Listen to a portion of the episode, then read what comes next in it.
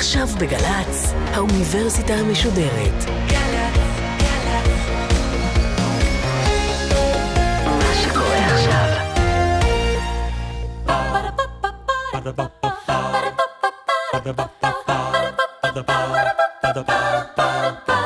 האוניברסיטה המשודרת מציגה מסע סביב רעיון, והסמסטר העיר, והפעם הדוקטור גבריאל בוקובזה, מהמרכז האקדמי פרס ואוניברסיטת תל אביב, על חרדה והעיר הגדולה, עורכת ראשית מאיה גאייר.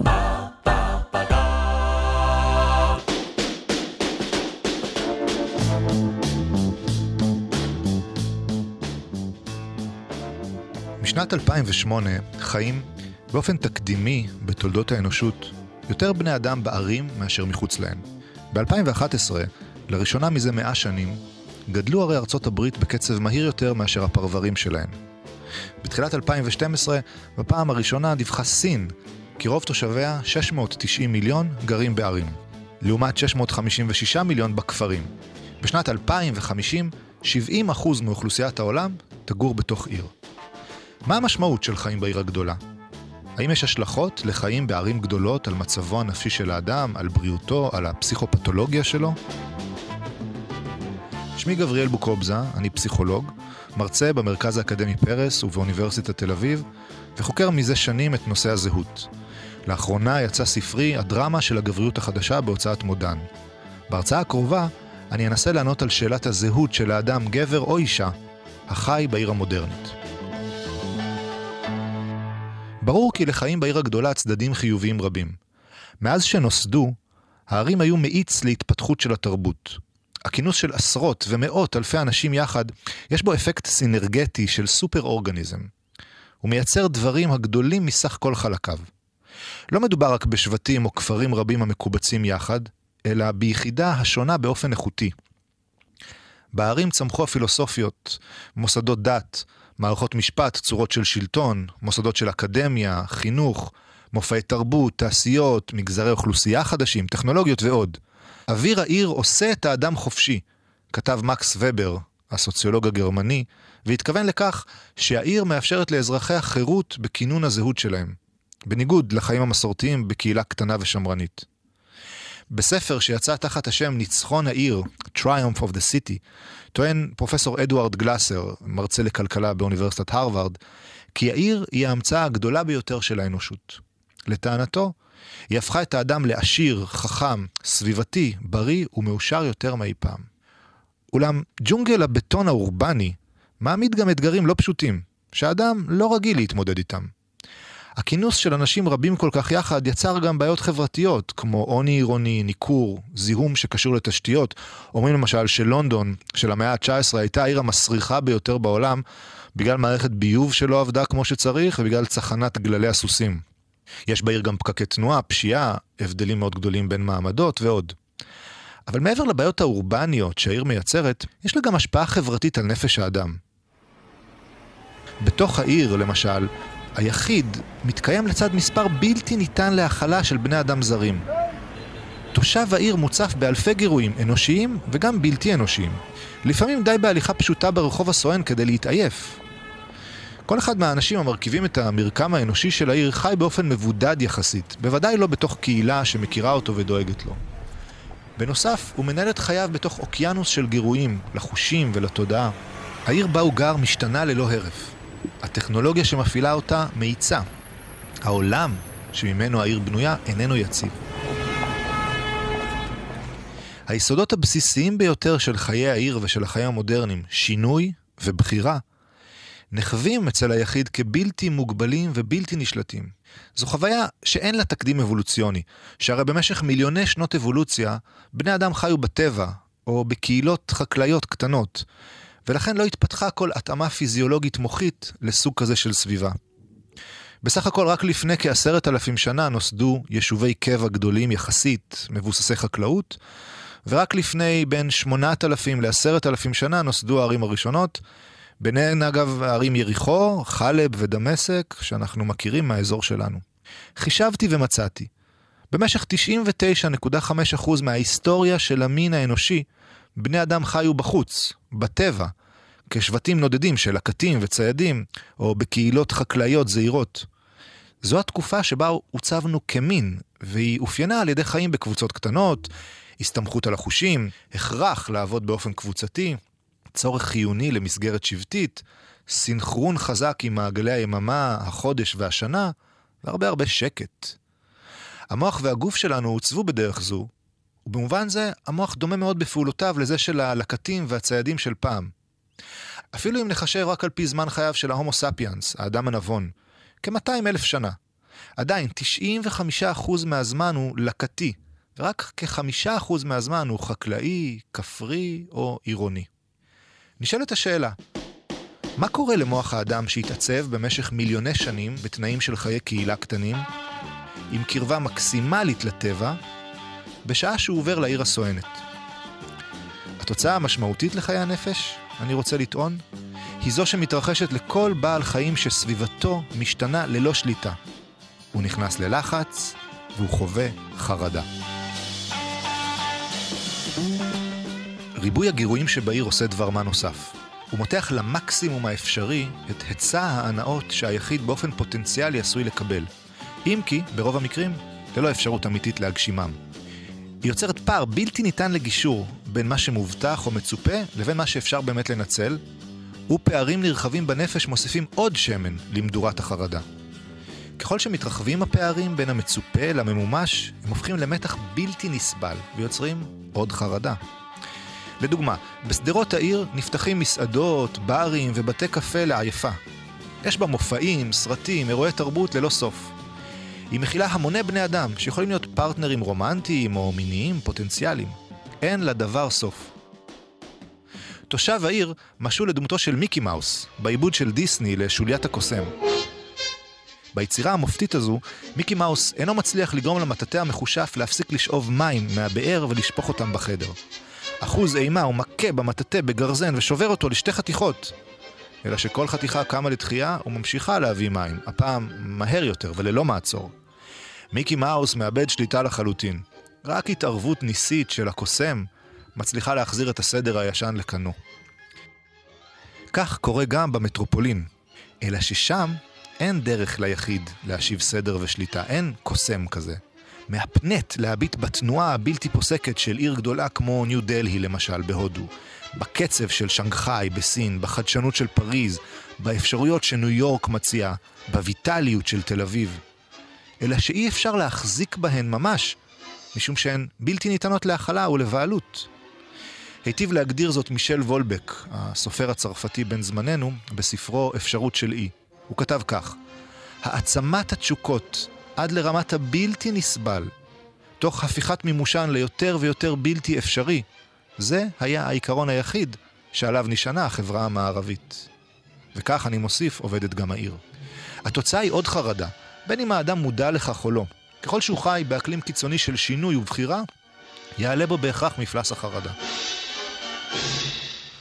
ברמה הפסיכולוגית, נחווית החרדה באופן מציף וחסר שליטה, וגורמת ליחיד להרגיש חסר כוח וחסר אונים. הוא אינו מסוגל לעמוד מולה.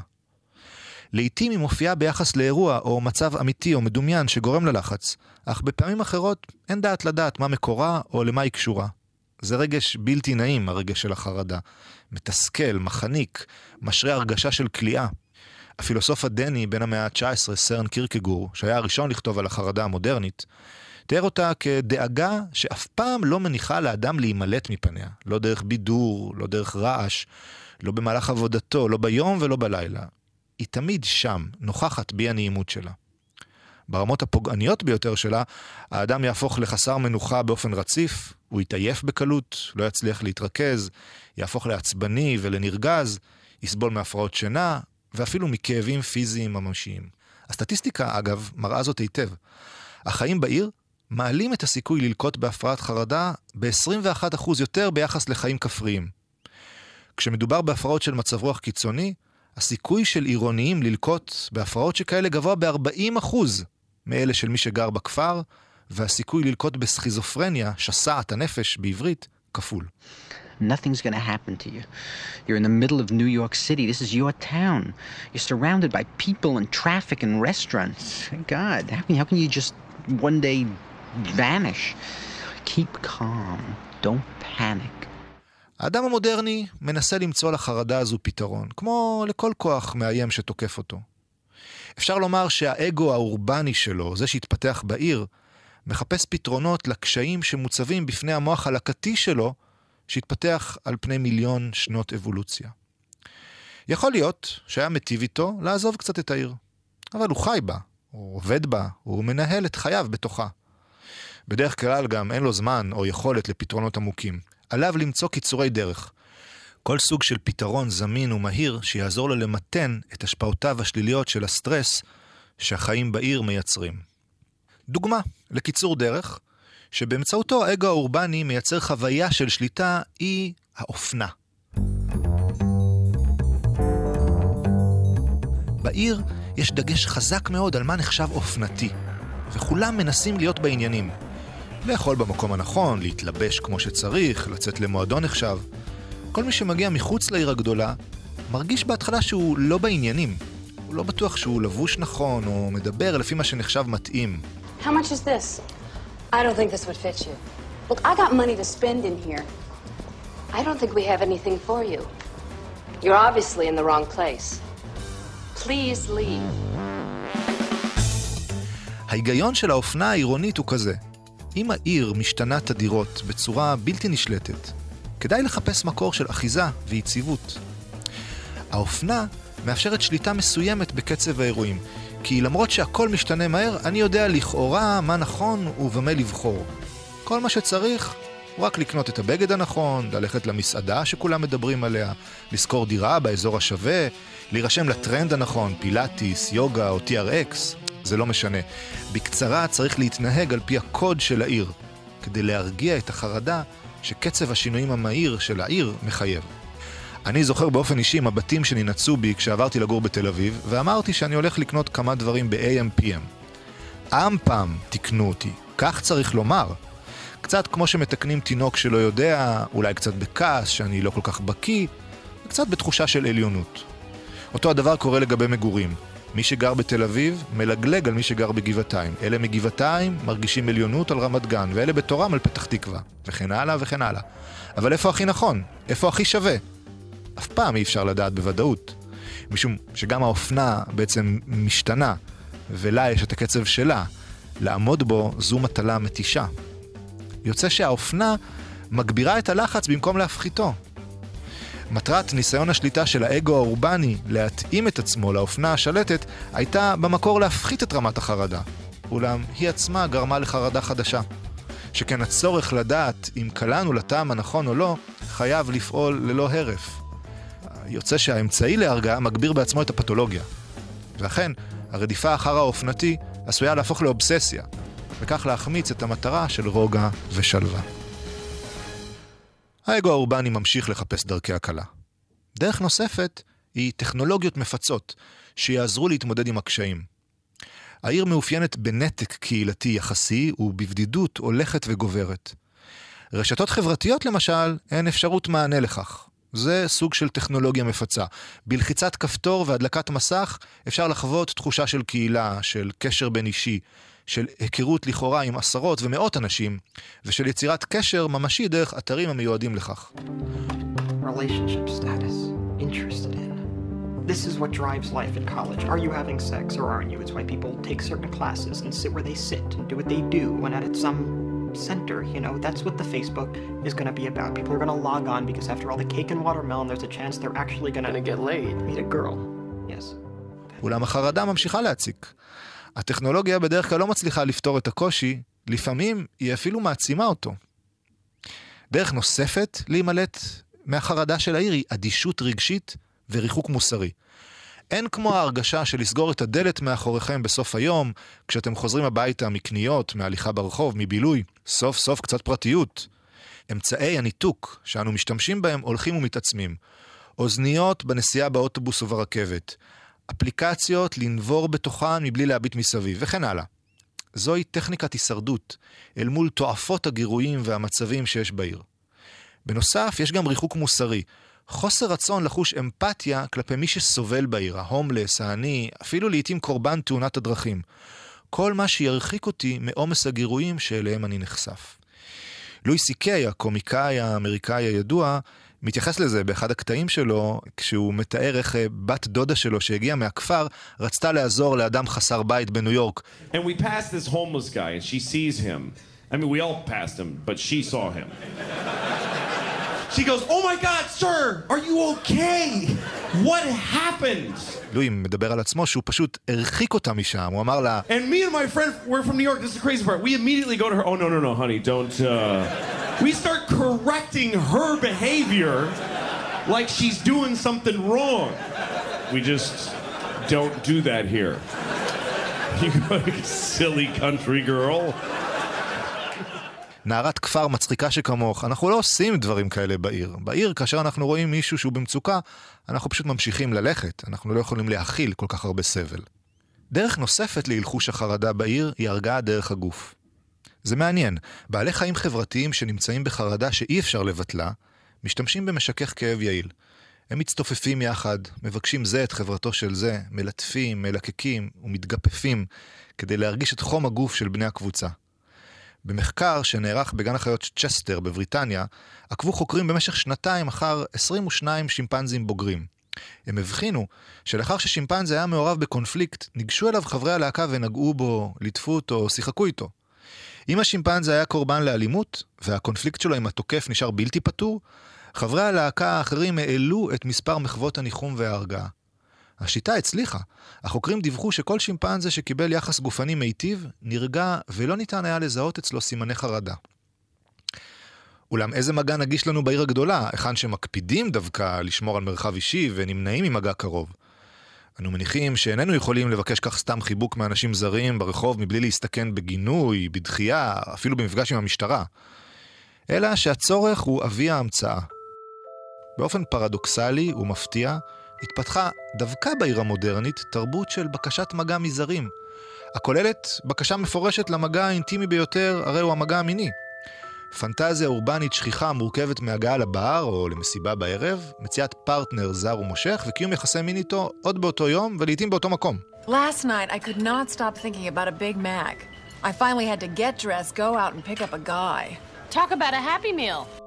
פנטזיית הסטוץ, המוחזקת ולעיתים ממומשת על ידי גברים ונשים כאחד, היא במובן זה משכך חרדה גופני אולטימטיבי, כאשר מקור החרדה בלתי ידוע, וההשפעה שלו דולפת לנפש פנימה, ישנו מקום אחד בטוח אליו אפשר להימלט, הגוף.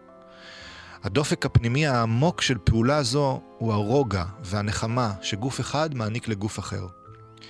קבלת נחמה ואינטימיות דרך הגוף היא עוצמתית במיוחד אצל גברים שמעמדם מתערער בתקופה המודרנית המאוחרת. אחרי הסקס ההרפתקני, הנחמה מתפוגגת, ורגשות החרדה והניכור חוזרים. זהו שוב מנגנון שמאפשר שליטה והרפאיה זמניים בלבד מהמצוקה. ומיד מזין מחדש את מקור הכאב דרך ליבוי של רגשות אשמה, מצפון ובדידות. הגוף הוא אתר מרכזי שבו חלק מהמאבק על הרגעת החרדה מתרחש, אבל לא רק בהקשר המיני. מה שאנחנו מכניסים לתוכו, מזון, תרופות, סמים, גם הוא קשור להרגעת החרדה. לכן, לצד המגע הגופני עם האחר, עמוק ונמשך או רגעי ופזיז, גם פרקטיקות אלה מנסות להשיג רגיעה זמנית מפני החרדה. ואכן, אחוזי השימוש בתרופות נוגדות חרדה ודיכאון, כמו גם השימוש בסמים, הם גבוהים ביותר במרכזים האורבניים. כאן שוב אפשר לראות את הדיאלקטיקה של העיר. מצד אחד, אנשים התנסו בתוכה במגוון חומרים משני תודעה וירשו לעצמם לחקור את זהותם באופן שלא התאפשר בקהילה שמרנית, מסורתית, סגורה. אבל בו בזמן, הם השתמשו באותם אמצעים כדרכי מילוט מהלחץ ששגרת העיר כופה עליהם, או מתחושת הניכור או הבדידות, שהם חלק בלתי נפרד מהמגורים בעיר הגדולה. באופן דומה נעשה שימוש דיאלקטי במזון. בערים הגדולות אפשר יהיה לטעום את מעשי ידיהם של השפים הגדולים ביותר, במסעדות המפוארות ביותר. לעיר אין מחויבות לאוכל המסורתי של סבתא. היא מרשה לעצמה לגלות, לחקור, לחבר ובעיקר לשנות. גם היצע המזון בעיר הוא אדיר ומגוון יותר מכל שוק מקומי. אך בו בזמן, אפשר יהיה גם לראות איך הרגלי התזונה של תושבי העיר קשורים לצורך שלהם להרגיע את החרדה. השליטה במזון דרך פרקטיקות של הקפדה על כללים בצריכת המזון יגיעו לשיא בעיר. גם כאן מדובר שוב באמצעי להשבת שליטה לאדם שנמצא בחרדה. תושב העיר כמעט אף פעם אינו יכול לדעת מה מצוי במוצרי המזון שאותם הוא צורך, אבל הנה נמצאה לו דרך לסמן טריטוריה מוגנת, שמורת טבע, בה הוא חוזר לקבל שליטה, לכאורה. אם ישתה מיץ רימונים ועשב חיטה בבוקר, ינגב חומוס אורגני מונבט בצהריים, יימנע ממוצרי חלב וגלוטן במשך היום, יגיע לשלווה הנחפצת. האדם האורבני שחי בלחץ, רץ ממשימה למשימה, מחמיץ שעות שינה, מרגיש שסוף סוף יש פינה אחת בה מוחזרת לידיו לרגע הבקרה. אולם גם כאן, מדובר בחרב פיפיות. ההקפדה היתרה על המזון עלולה להפוך בעצמה לאובססיה. משום שמדובר במאבק איתנים עם חרדה סמויה, נוכל לנבא שלעיתים קרובות פעולות השליטה יביאו לפיתוח של הפרעות חדשות, למשל בדמות סגפנות, קנאות ואובססיה. Medium turkey chili. Medium crab bisque. Excuse me, uh, I think you forgot my bread. You want bread? Yes, please. Three dollars! No soup for you! הגחמנות או התענוג המצויים בבסיס הטבעי של האכילה יוקרבו על מזבח האיפוק. יאותרו אויבים. קטשופ יעורר איבה. קניית junk food תחשב למעשה בגידה. חברים ייבחרו וזרים יישפטו על פי הרגלי התזונה שלהם. אי אפשר יהיה לוותר על הנטייה לחטט במרכיביו של כל מאכל. תיווצר אשמה ממקרים של אכילה לא נכונה, והיא תפוצה על ידי הקפדה נוספת על מזון נקי, איתור מזונות על, הקניית הרגלי אכילה ייחודיים כמו שתיית מיצים, צומות, הימנעות מאוכל מעובד, חישובי יחס אומגה 3 ו-6 ועוד כיד הדמיון. החרדה שבה ניסינו במיטב כוחותינו לשלוט, תצוץ שוב. הפעם כטקס, ככפייתיות, כמנגנון ענישה, כדת.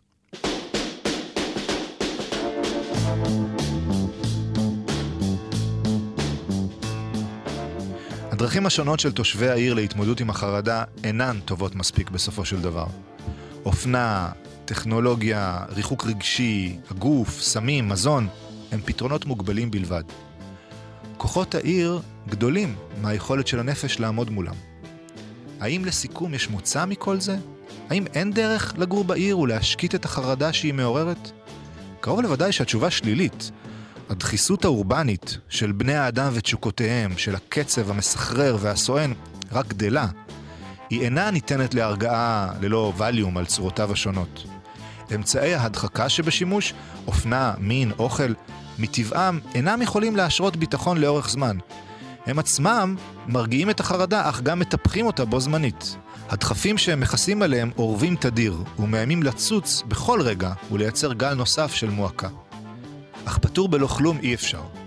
אולי בכל זאת ננסה לעזור לאגו האורבני הסחרחר ולהעניק לו כמה שעות של חסד ושחרור מהחרדה של העיר הגדולה. מעשייה בודהיסטית מספרת על שודד יער בשם אנגולימלה, שהרג 999 אנשים ותר את היער בחיפושים אחרי הקורבן האלף שלו.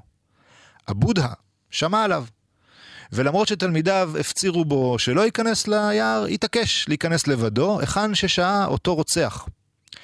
עד מהרה אנגולימלה מצא אותו והחל לרדוף אחריו.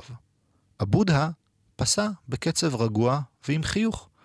ואילו הרוצח, שרץ בכל כוחותיו, משום מה לא הצליח לתפוס אותו. לבסוף הוא צעק על הבודהה, עצור! עצור! הבודהה הסתובב, השאיר מבט לתוך עיניו ואמר, עצרתי לפני הרבה זמן, עכשיו תורך לעצור. דבריו של הבודה הטמיעו את אנגולימלה כל כך, שהוא שכח מכל כוונות הזדון שלו ושאל לפירוש.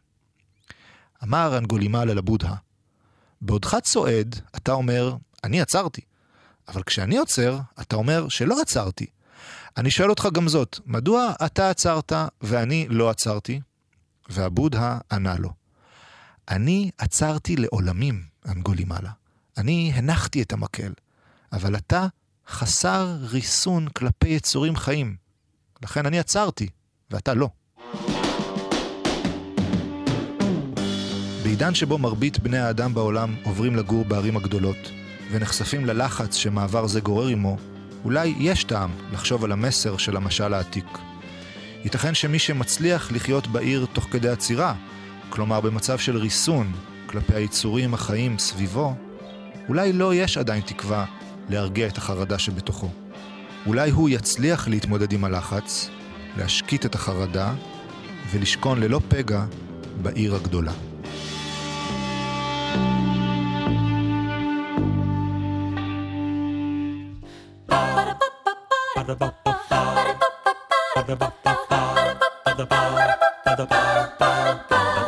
האוניברסיטה המשודרת, מסע סביב רעיון. הדוקטור גבריאל בוקובזה מהמרכז האקדמי פרס ואוניברסיטת תל אביב, על חרדה והעיר הגדולה. עורכת ראשית, מאיה גאייר. עורכות ומפיקות, אחינועם קפון ונעמי שלו. מפיקה ראשית, אביגיל קוש. מנהלת תוכן, מאיה להט קרמן. עורך הדיגיטל, עירד עצמון שמייר. האוניברסיטה המשודרת, בכל זמן שתרצו, באתר וביישומון של גל"צ, וגם בדף הפייסבוק של האוניברסיטה המשודרת.